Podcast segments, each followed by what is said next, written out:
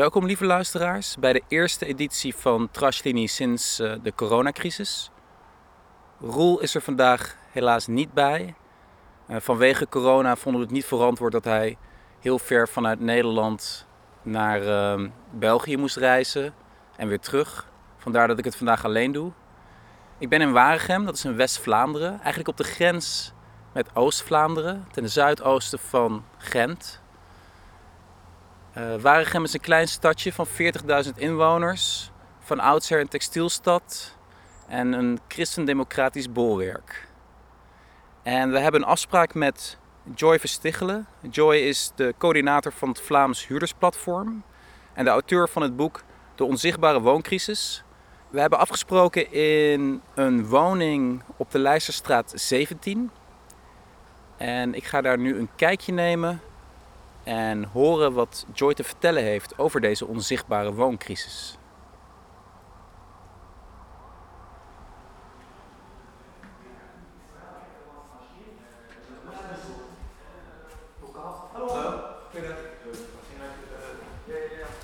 Joy is hier net binnengelaten door een oud collega. We lopen nu op de begane grond van de woning. Hier komt de, de badkamer. Ja, dat is natuurlijk wel een in de woning wat kleiner. Je wordt dat vroeger naar gas Ik zei natuurlijk, we zijn nog geen afmaakingen, dat wordt nog Tuurlijk, ja, ja. Ik zei dat de basis is. En toen neem je de zolder, ja. maar dat is gewoon zolder, wordt nog geïsoleerd. Uh, dus ja. doe maar? Dus ze rekenen het nu. Yes. Van u, hè? Salut. Ik heb net al genoemd aan de luisteraars dat jij coördinator bent van het Vlaams uh, Huurdersplatform en auteur van het boek De Onzichtbare Wooncrisis. Ja, hè, dus, dus, dus we, we, we moeten vaststellen dat de woonproblematiek eigenlijk zeer weinig gekend is. Hè. Mm -hmm. uh, ondanks de, ja, wat mij betreft, onthutsende cijfers en onderzoeken die daarover uh, jaar na jaar gepresenteerd worden, ja, leeft toch niet het idee in Vlaanderen dat we echt met een wooncrisis kampen. En dat komt eigenlijk omdat we met uh, ja, 70% uh, eigenaars, bewoners zitten, mensen die hun eigen woning hebben kunnen aankopen, die eigenlijk wel behoorlijk goed wonen. -hmm. En die eigenlijk niet meteen de gevolgen zien van wat er op een uh, private huurmarkt gebeurt. -hmm. En uh, in die zin blijft het eigenlijk een stuk onzichtbaar en is er eigenlijk ook nooit echt beleidsmatige actie gekomen naar die private huurmarkt toe. -hmm. Dus we weten na de Tweede Wereldoorlog is eigenlijk de beweging in Vlaanderen ingezet met het idee van kijk, ja, we gaan zoveel mogelijk mensen eigenaar maken. En dat is, het percentage eigenaars is blijven stijgen tot rond de 70 procent. Waarom uh, is daarop ingezet, op eigendom, na de Tweede Wereldoorlog? Ja. Op dat moment is er eigenlijk een keuze gemaakt. Hè. We zien in andere landen dat er andere keuzes zijn gemaakt. We zien een aantal landen waarin deze keuze wordt gemaakt. Maar er bestaat een, een Hans idee rond het feit dat als je eigenaar bent van je woning, dat je dan zelfvoorzienend bent, dat je van niemand anders afhangt, dat je eh, dan eigenlijk ook moeilijker in de, in de armoede zal belanden, omdat je nog altijd je woning hebt.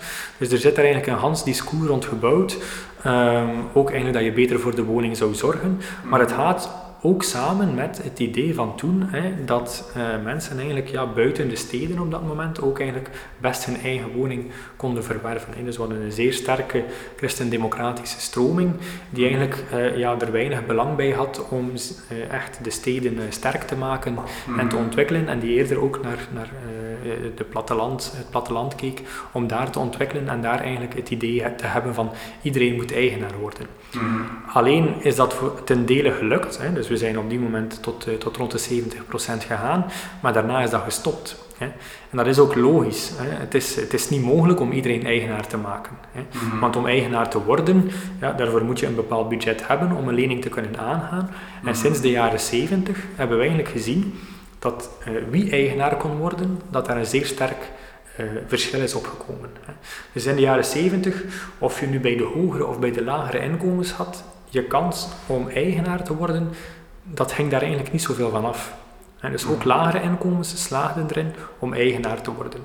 Maar we zien dat sinds de jaren 70 die lijnen sterk uiteen zijn beginnen lopen en dat de mensen met de hogere inkomens wel nog steeds makkelijk eigendom konden verwerven, mm-hmm. maar dat de mensen met de lagere inkomens daar eigenlijk niet meer in slaagden en op de private huurmarkt belanden.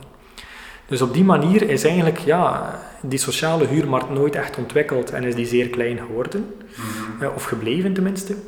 Is die private huurmarkt eigenlijk nooit voor vol aanzien, want dat waren eigenlijk altijd mensen die eigenaar zouden moeten eh, worden. En zijn er ja, buitensporige stimulansen geweest om iedereen eigenaar te maken, Mhm. waaruit eh, achteraf nu toch uit eh, diverse onderzoeken kan besloten worden dat dat niet, eh, niet doelmatig was. Mhm.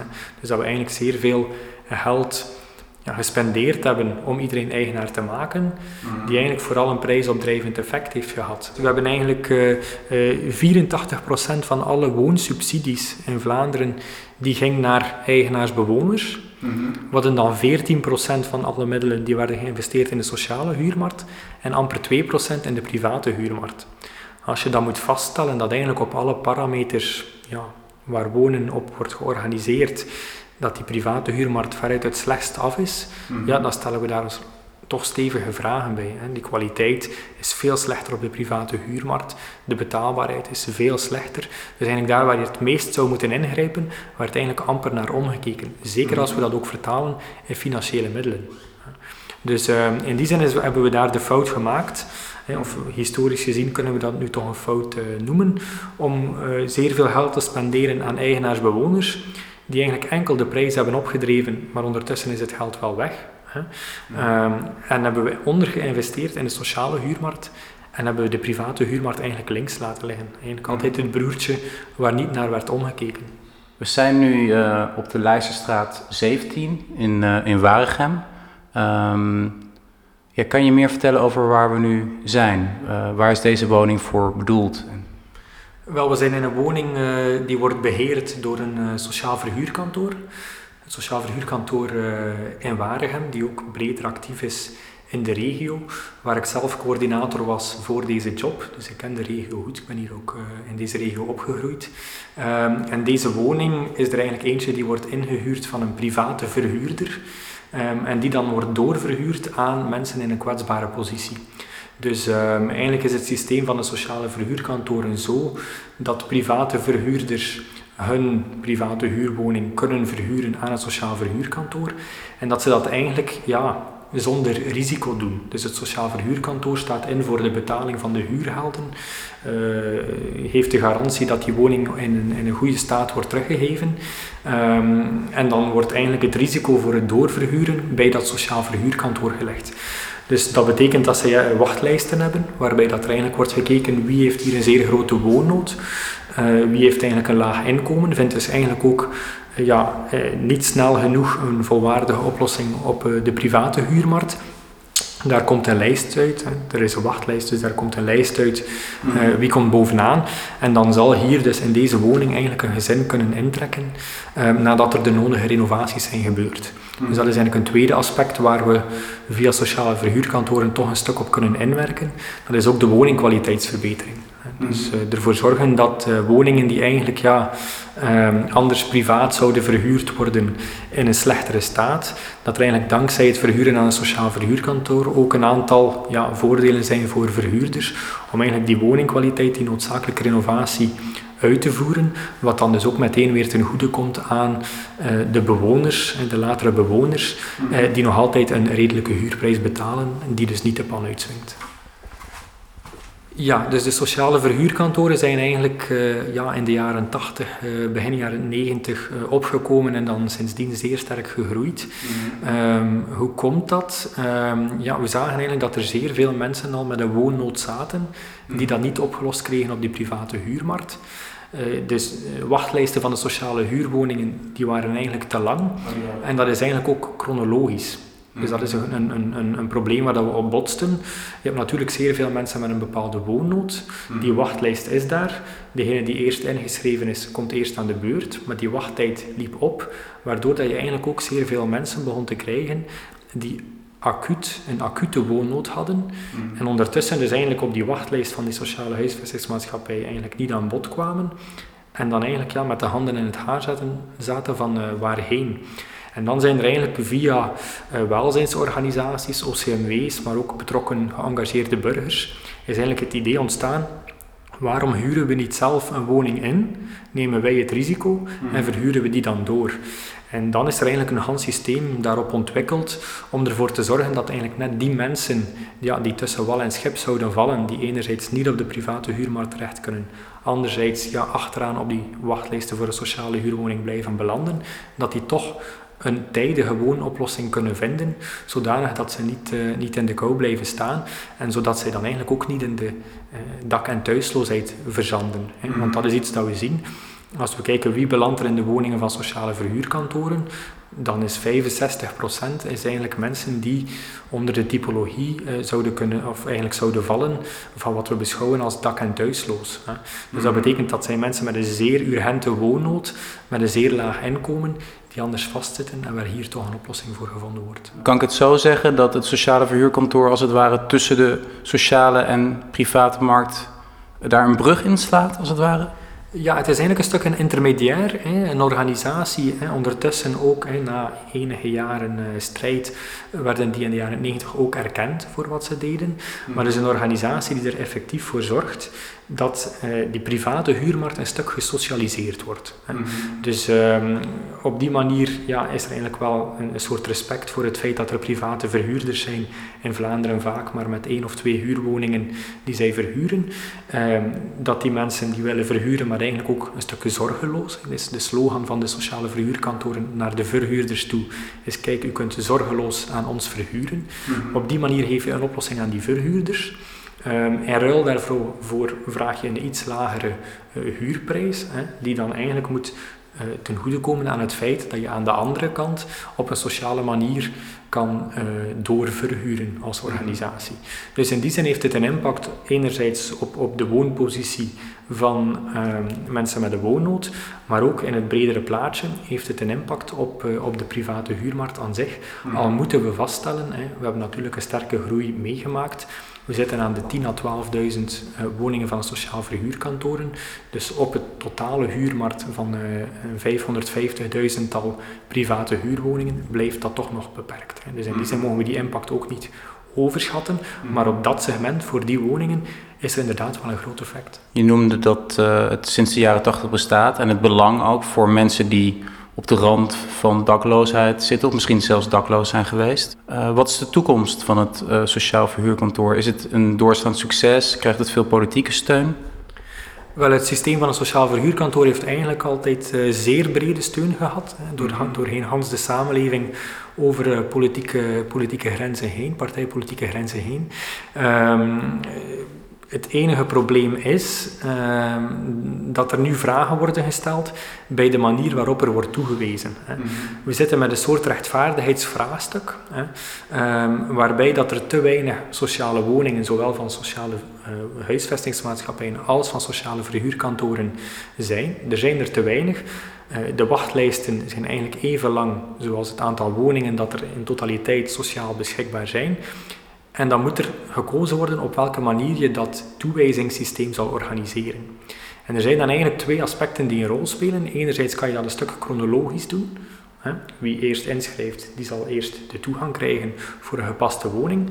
Maar daarnaast kan je ook een aantal situaties inbeelden waarvan je eigenlijk moet besluiten, ja, die zijn hier zodanig dringend dat die eigenlijk zo acuut zijn dat we daar een oplossing moeten voor vinden. En dat is een beetje hetgeen dat zich nu voordoet in het Vlaamse regeerakkoord dat nu werd afgesproken. Zou eigenlijk het systeem van de sociale verhuurkantoren, ja, dat dreigt op de schop te gaan, waarbij dat eigenlijk alles chronologisch zou worden toegewezen, met zeer beperkte uitzonderingen. Hè. En waarbij dat er ook lokaal een stukje kan van afgeweken worden, mm-hmm. waardoor dat ook de transparantie volledig weggaat. Dus dat is eigenlijk toch een zeer grote vrees voor wat er nu uh, ja, te komen staat uh, binnen deze sector. Uh, omdat het eigenlijk een zeer gewaardeerde oplossing is binnen zowel de, de, de, de woonorganisaties als de welzijnsorganisaties, mm-hmm. die toch een stuk onder vuur komt te staan, omdat net op ja, het essentiële karakter van het systeem eigenlijk wordt ingebroken en dat er gezegd wordt dat aspect moet eigenlijk uh, de prullenmand in.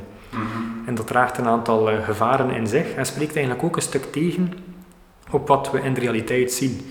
Want we stellen vast dat uh, de sociale verhuurkantoren eigenlijk wel een, uh, ja, een zeer belangrijke partner zijn geweest die ook steeds gegroeid zijn, maar dat er nog altijd een tekort was aan woningen. En we hebben bijvoorbeeld gezien nu met de verhoogde ehm, ja, instroom van vluchtelingen, die dan erkend worden in Vlaanderen, dat ehm, eigenlijk ook opnieuw heel wat burgers en organisaties met soortgelijke systemen zijn gekomen.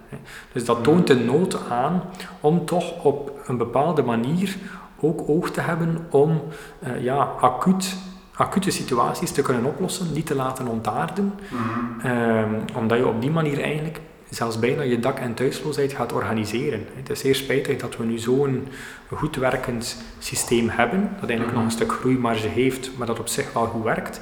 Dat we dat de prullenmand dreigen in te gooien, um, terwijl het zijn waarde bewijst. en, mhm. en, eigenlijk uit de realiteit, uit de praktijk, dat, dat we zien dat het eigenlijk enkel zelfs aan waarde wint.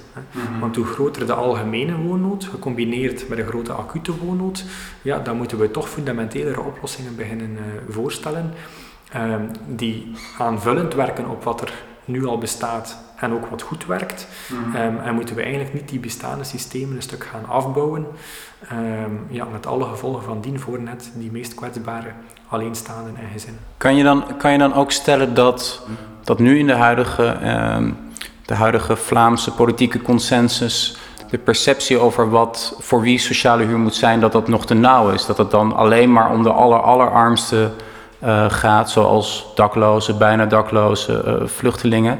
Maar dat, die, dat pleit u er ook voor dat die, uh, de doelgroep wat ruimer opgevat kan worden? We moeten vaststellen dat er eigenlijk meer en meer wordt gekeken vanuit de blik van een soort armoedehuisvesting. Hè. Mhm. Enkel voor zolang dat je het nodig hebt en voor wie het echt, echt, echt nodig heeft, mm voorzien we een sociale woning. Ehm, dat heeft natuurlijk te maken met die schaarste. Binnen die context van schaarste moeten veel meer keuzes gemaakt worden. En ehm, dan is het ook makkelijker, maar het is ook een vicieuze cirkel, om telkens weer te gaan toewijzen op een nog specifiekere groep hè, eh, en om die nog te gaan vernauwen. Um, dus eigenlijk is ons pleidooi uh, van kijk, um, laat ons die groep die recht heeft op een sociale woning uh, afbakenen, maar dat samen in een traject zien met één, wat is de nood? Hoeveel mensen hebben, hebben er nood aan een woning?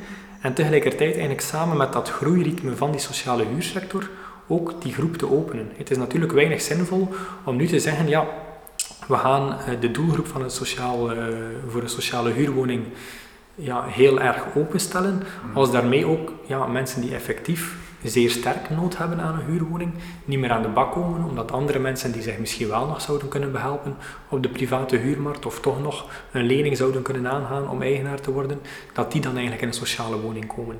Dus het verruimen van de doelgroep van het sociaal wonen moet samengaan met het uh, verruimen van het patrimonium van het sociaal wonen.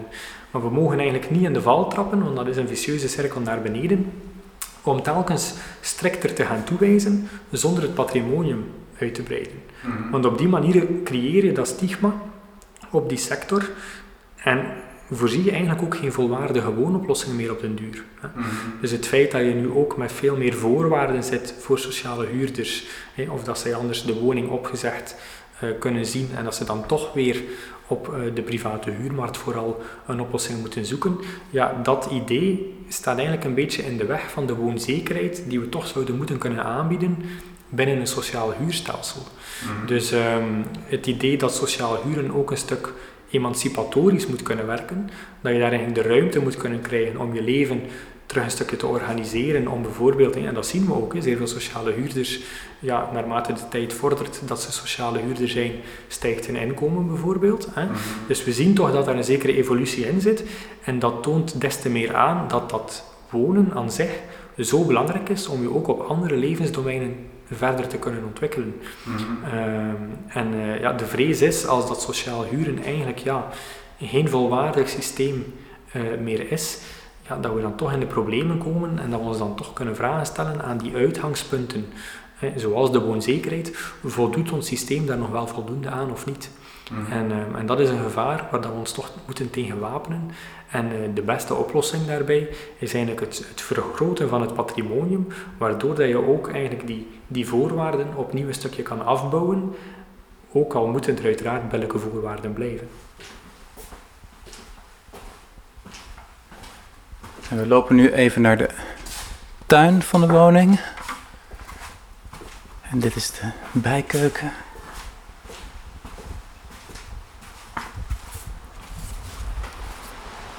Is er ook nog een rol weggelegd voor kraken om uh, misstanden op de Vlaamse of Belgische woonmarkt uh, uh, aan te kaarten?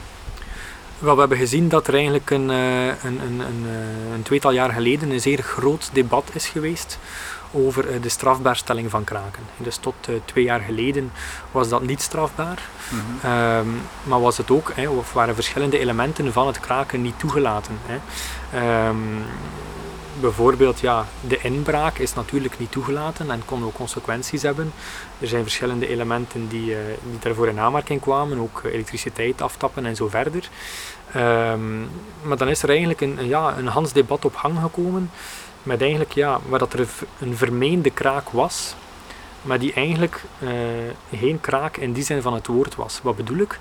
Um, kraak het kraken van woningen gaat eigenlijk over het kraken van leegstaande woningen. Ja.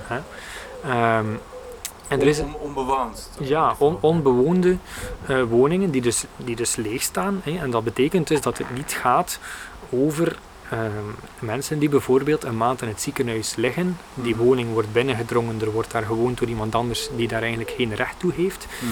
Ja, dat was niet kraken en dat was al strafbaar. Hè. Dat, is, uh, dat was eigenlijk al klaar en duidelijk. Mhm. Maar wat is er nu gebeurd? Met dit soort verhalen is er eigenlijk een soort verwarring gecreëerd en werd het voorgesteld alsof dat, dat zomaar kon, dat daar nog onvoldoende consequenties aan waren en werd dat benoemd als kraken. Hè. Er zijn een Mhm. aantal voorbeelden geweest van mensen die op reis waren en die hun woning dan zogezegd Ah, ja. Gekraakt media het verhaal in Gent, toch? Voilà, Ja. hè, dus de media springt daarop. Ehm, dat is zogezegd een bewoonde woning. Mhm. Natuurlijk, dat is op dag 1 van het verhaal. Als we dan het onderzoek bekijken, dan merken we eigenlijk ja, dat die woning niet bewoond werd. Hè. Maar ondertussen is het verhaal wel in de markt gezet, als in het feit dat daar werd gekraakt in een bewoonde woning. Mhm.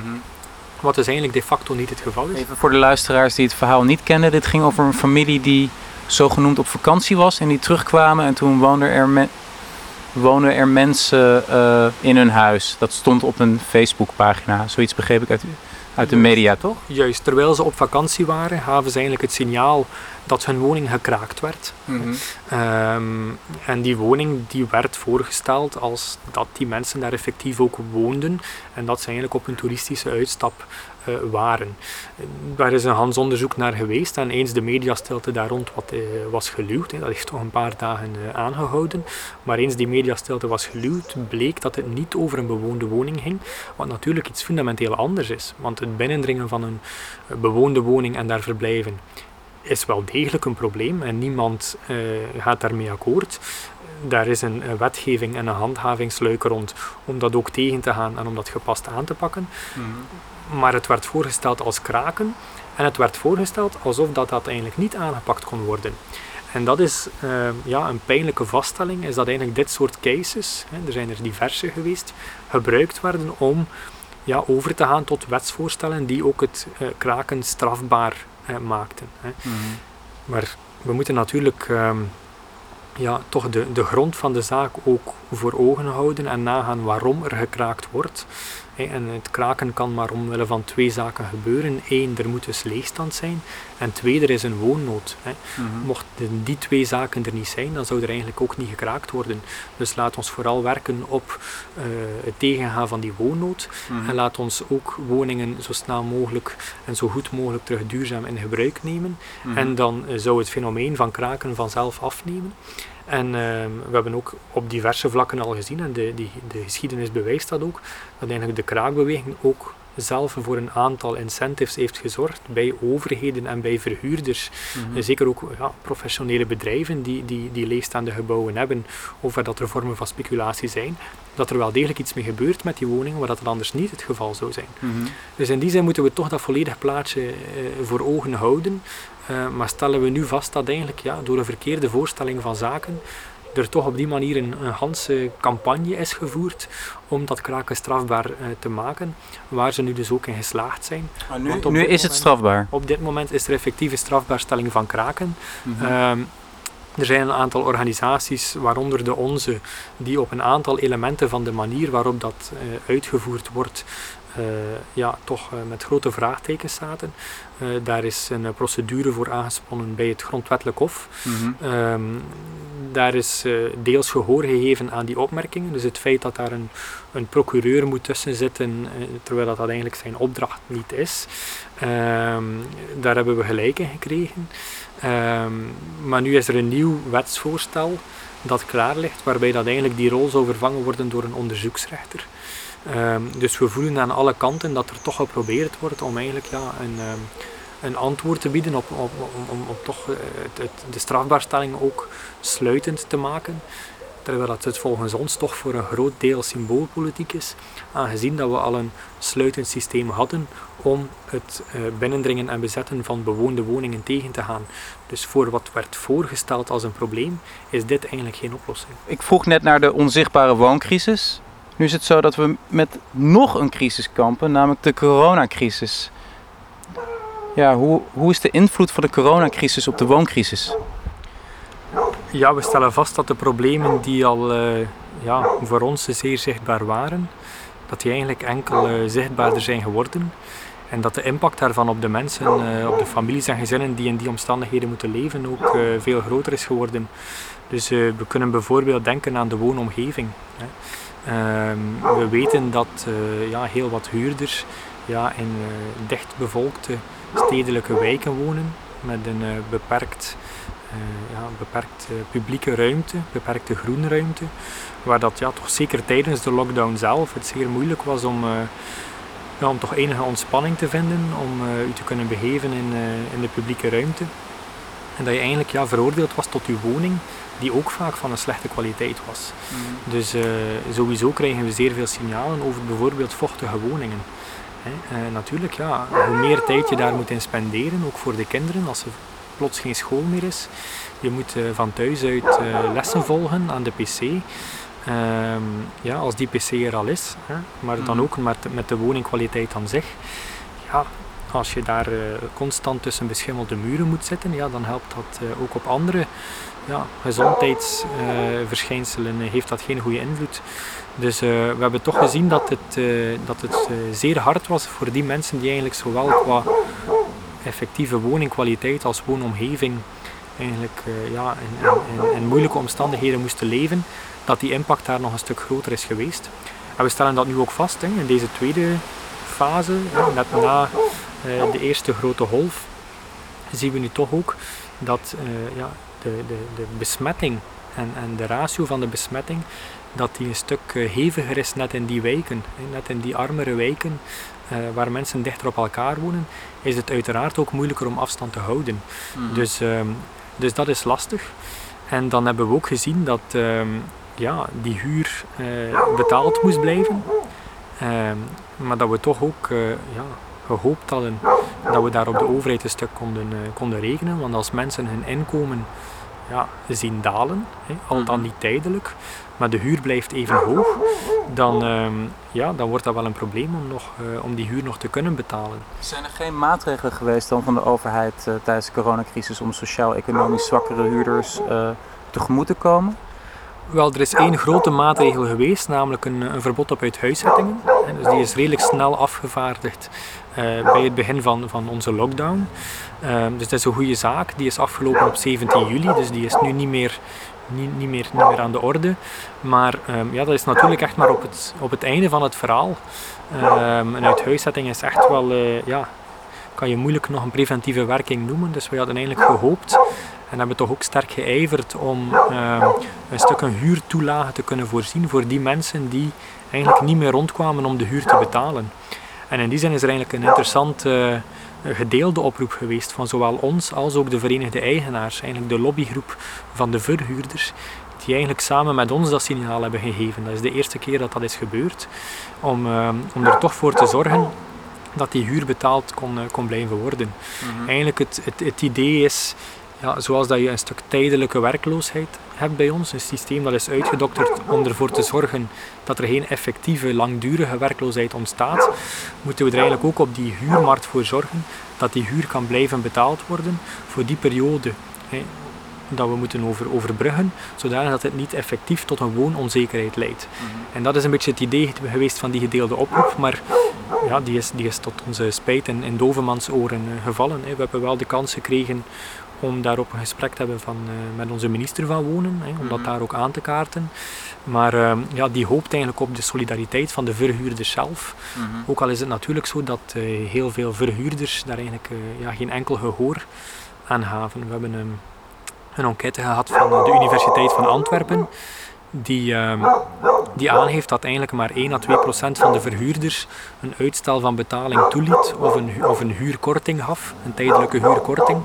Dus dat eh, volstaat eigenlijk niet om, eh, om een antwoord te bieden op die zeer brede problematiek. Ja.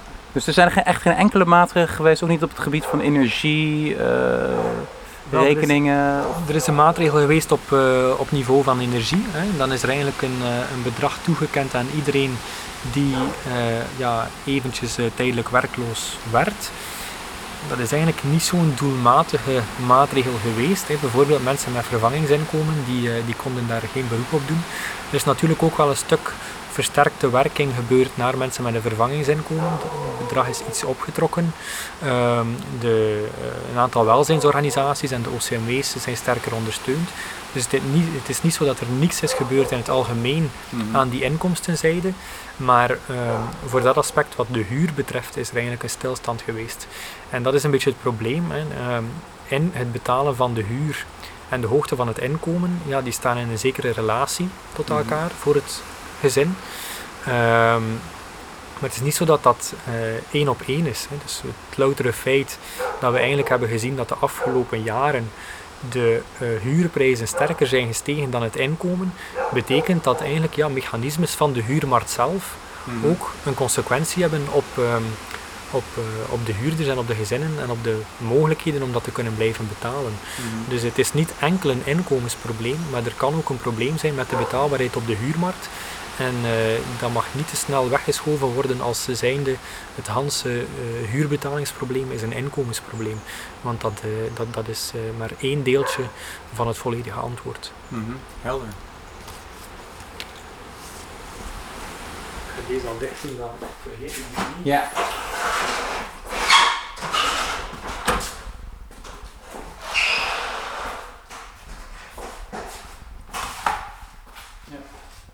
Ja, nee, het is een hele mooie, ruime woning. Ze moeten, ze moeten nog hard aan de slag in september om het eh, in oktober goed te kunnen opleveren. Maar ik denk dat het aan zich eh, hier prima wonen is. Ja, ik heb vernomen dat, eh, dat er echt nog een grondige renovatie gepland staat. Eh, eh, ze lijkt mij ook eh, behoorlijk ruim, hè, ook met drie slaapkamers, geen evidentie.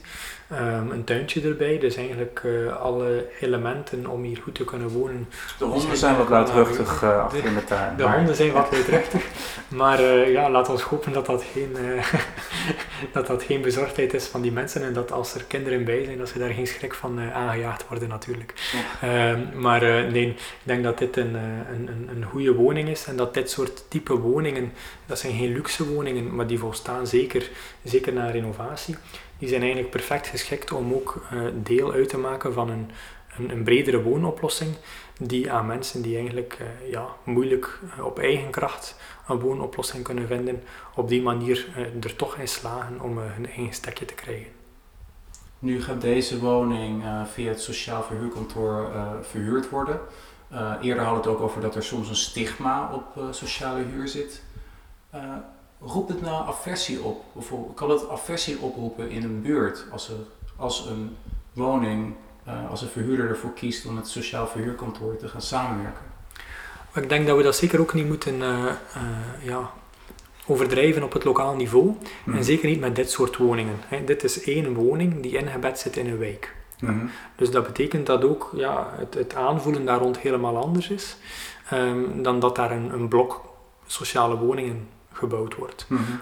Um, en dan zien we dat ja, de buurtbewoners daar veel meer vragen bij hebben als er eigenlijk opnieuw gebouwd wordt en er komt eigenlijk een, blok sociale huurwoningen bijvoorbeeld, dan zorgt dat voor een stukje meer weerstand. Um, dus het stigma zit ook niet altijd automatisch op het individuele lokale niveau, maar het stigma zit eigenlijk ook voor een zeer groot deel beleidsmatig. Dus eigenlijk vanuit beleid dat er op een bepaalde manier naar sociaal wonen wordt gekeken en dat zijpelt dan door via uh, de media en uh, de publieke opinie. Mhm. Maar dat betekent niet als hier straks een gezin woont en, uh, en, en, en die zullen dat ongetwijfeld ook goed, goed onderhouden en hier zich integreren in de buurt, dan zal daar zeker niet automatisch op neergekeken worden of zullen daar problemen van komen. Mhm. Maar het is zeker zo dat het ook voor fricties zou kunnen zorgen. Hè. Mhm. Um, het is zo dat er een aantal mensen zijn die dat niet wensen. Um, maar goed, op zich is, is dat geen reden om, om dit niet te doen. Het is ook Mhm. deze verhuurder die ervoor kiest om aan het sociaal verhuurkantoor te verhuren. En des te meer omdat het sociaal verhuurkantoor ook eigenlijk een zeer sterke poot van woonbegeleiding heeft. Dus als er zich problemen zouden aandoen, aandienen, dan um, is ja, de, de woonbegeleiding, de huurbegeleiding, hier ook meteen een stuk aanwezig. Um, waarbij dat je dat, als, als het zich niet aandient, dan is het uiteraard niet nodig. Maar als het zich aandient, dan is het wel beschikbaar. Oh, er is een Uh, soort van huurbegeleiding. ook. Ja, ja, dus bij sociale verhuurkantoren, wie instroomt, die kan eigenlijk ook rekenen op een stuk huurbegeleiding over hoe om te gaan met de woning, maar ook eigenlijk om, om doorverwezen te worden naar meer gespecialiseerde diensten en zo verder. Mhm. Dus uh, dat is eigenlijk een, een sterk uitgebouwde poot binnen de sociale verhuurkantoren. Mhm. Um, dus dat zorgt er ook voor, stel dat een, een privé huurder zou zijn, ja, dan is die dienstverlening er bijvoorbeeld niet. Nee, nee, nee. Uh, en uiteindelijk is het een, een gezin als een ander dat hier komt te wonen. Mhm. En, uh, en zal dat ook zeer snel blijken, eens die mensen hier hun intrek nemen, dat dat, uh, ja, naar mijn inschatting, voorbeeldig zal, uh, zal verlopen, zoals dat in uh, de absolute meerderheid van de gevallen verloopt. Het utopisch dromen. Hoe ziet jouw ideale woonstelsel eruit? De doelstelling is, is, is duidelijk, hè, dat iedereen hè, um, betaalbaar, kwaliteitsvol, um, aangepast uh, en met de nodige woonzekerheid kan wonen. Hè. Mhm. Dat is de doelstelling. Um, in welke vorm dat is, speelt dan eigenlijk minder een rol. Hè. Voor sommige mensen zal een huurvorm het meest aangewezen zijn. Voor anderen zal het een sociale huurvorm zijn. Voor anderen zal het het, het eigenaarschap zijn. Mhm. Um, maar los van die vormen is die doelstelling belangrijk en mogen we dat ook verwachten van een overheid. Dat ze die doelstelling creëert en dat de rest eigenlijk een middel is om die doelstelling te bereiken. Mhm. En dan, als je dan vertrekt, hè, want die utopie is natuurlijk vertrekt vanuit de realiteit die we vandaag zien, want daar willen we een antwoord op bieden, ja, dan moeten we ervoor zorgen dat we geen precair eigenaarschap hebben. Hè. Um, want eigenaarschap uh, wordt, wordt altijd in de markt gezet als de meest zekere vorm, maar uh, ja, als je dat moet vragen aan de talloze Amerikanen of Spanjaarden die tijdens de vorige economische crisis ja, uit hun huis zijn gezet waar ze eigenaar van waren, Mhm. dan zullen zij dat niet beamen. Hè. Dus in die zin is er ook wel degelijk een risico gepaard daarmee. Dus Mhm. dat is niet de ideale oplossing voor iedereen. Oh, Hè? ja. Dus- Dus, er is eigenlijk naast, uh, naast de precaire uh, laag huurders die er zijn, is er ook een grote groep precaire eigenaars, kan je dat zo stellen? Er is een groep uh, precaire eigenaars. Um, bijvoorbeeld, we weten dat zowat een 100.000 uh, huishoudens uh, worden eigenlijk benoemd als noodkoper. Mensen die wel een woning hebben aangekocht, maar dan bijvoorbeeld niet meer de middelen hebben om die nog te renoveren. Hè. Dus die wonen dan eigenlijk in een niet kwaliteitsvolle woning. Uh, een groot energieverlies, uh, vocht, uh, gevaarlijke elektriciteit, noem maar op. Mhm. die zijn dan wel eigenaar van die woning, maar die hebben eigenlijk niet de centen om dat te renoveren. hebben we er dan een goede zaak aan gedaan om die mensen in minder kwaliteitsvolle omstandigheden toch te duwen richting dat eigenaarschap. Hè. Mhm. Dus in die zin is het pleidooi om, om ervoor te zorgen dat voor ja, wie eigenaar wenst te worden, hè, dat dat een oplossing zou moeten kunnen zijn, dat die risico's daar ook moeten beperkt zijn. Ook daar moet woonzekerheid zijn. Mhm. Maar tegelijkertijd zal voor sommige mensen ook eigenlijk een, een huurmarkt die echt goed werkt, de oplossing zijn. Mhm. Hè. Uh, alleen zien we op vandaag dat op die parameters die ik zo net benoemde, zowel woonzekerheid, kwaliteit als betaalbaarheid, ja, dat we dat op deze moment niet kunnen garanderen op Mhm. uh, die huurmarkt. Dus daar moeten we werk van maken. En we kunnen dat. Er zijn een aantal uh, zeer concrete voorstellen om dat te doen, waarmee dat we tot op dat niveau kunnen komen, dat we daar Mhm. ook die elementen in de praktijk brengen. En dan uh, moeten we ook voor ogen houden dat uh, die private huurmarkt eigenlijk ook voor sommige mensen ja, nooit een antwoord zal bieden. Hè. Op die private huurmarkt moeten we ervan uitgaan dat die verhuurder een zeker rendement wenst. Ondertussen moet daar een huurder zijn die die huur kan betalen, waarmee die verhuurder dat rendement haalt. Hè. Mhm. We zien overal in Europa dat dat eigenlijk niet in evenwicht is. Er zit daar een gat tussen. Er zit een gat tussen de betaalbaarheid voor de huurder en de rendementswens van de verhuurder. Mhm. Dus die moet je op een of andere manier dichten. En dat kan je voor ten dele doen door bijvoorbeeld privaat patrimonium te socialiseren. Hè. Maar dat zal ook voor een deel, en dat is ook een zeer structurele, duurzame oplossing, moeten gebeuren via een veel ruimere sociale huurmarkt, waar dat we ook op al die elementen kunnen inspelen, eh, maar die nu eigenlijk te klein is. Hè. Er is een, een zeer eh, ruim onderzoek gebeurd naar onze sociale huurmarkt en de werking daarvan. Mhm. En de conclusie is zeer helder, namelijk de sociale huurmarkt werkt. Er zijn uiteraard altijd een aantal puntjes waar het beter kan, maar die sociale huurmarkt werkt, zit goed in elkaar, alleen is die te klein. Mhm. En dat zien we ook terugkeren in de wachtlijsten. Als uw wachtlijsten even lang zijn als het aantal woningen dat je hebt, hè, in de grote orde van 150.000, Mhm. dan ehm, is dat een aantoonbaar probleem en duidt dat erop dat die sociale huurmarkt veel te klein is. Dus ehm, in mijn utopie is dat eigenlijk hetgeen waar dat we moeten naar streven. Dat is een, een duurzame eigendomsmarkt waarbij dat je ook het risico beperkt, Mhm. eh, waarbij dat je gaat naar een volwaardige private huurmarkt. En dat betekent dat je daar ook hier en daar zal moeten op durven ingrijpen als overheid Mhm. en naar een voldoende ruime sociale huurmarkt. En op die manier zou je eigenlijk op die drie systemen een oplossing moeten, moeten kunnen vinden voor de absolute meerderheid van de mensen. En dan daarnaast kan je natuurlijk ook een aantal eh, nieuwe initiatieven laten bloeien en kijken of dat we daar inspiratie kunnen uithalen naar de toekomst toe.